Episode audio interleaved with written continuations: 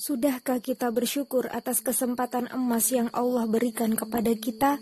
Kesempatan untuk meraih ampunannya melalui bulan yang paling mulia, yaitu bulan Ramadan. Sesungguhnya Rasulullah mengamini doa malaikat Jibril. Salah satu doa malaikat Jibril yaitu celakalah orang yang menjumpai Ramadan lalu tidak diampuni. Astaghfirullah. Semoga kita tidak termasuk menjadi bagian dari orang-orang yang celaka itu. Sebelum Ramadan benar-benar pergi meninggalkan kita, yuk bersama-sama memperbaiki diri dari sekarang. Raih ampunan Allah dengan memperbanyak amal ibadah, yaitu dengan berpuasa yang benar, sholat yang khusyuk, zikir, sedekah, menolong menolong atau berbuat baik kepada sesama maupun berdakwah. Niatkan karena Allah semata. Semoga Allah mengampuni segala dosa-dosa yang pernah kita perbuat. Amin, amin, amin, ya Rabbal 'Alamin.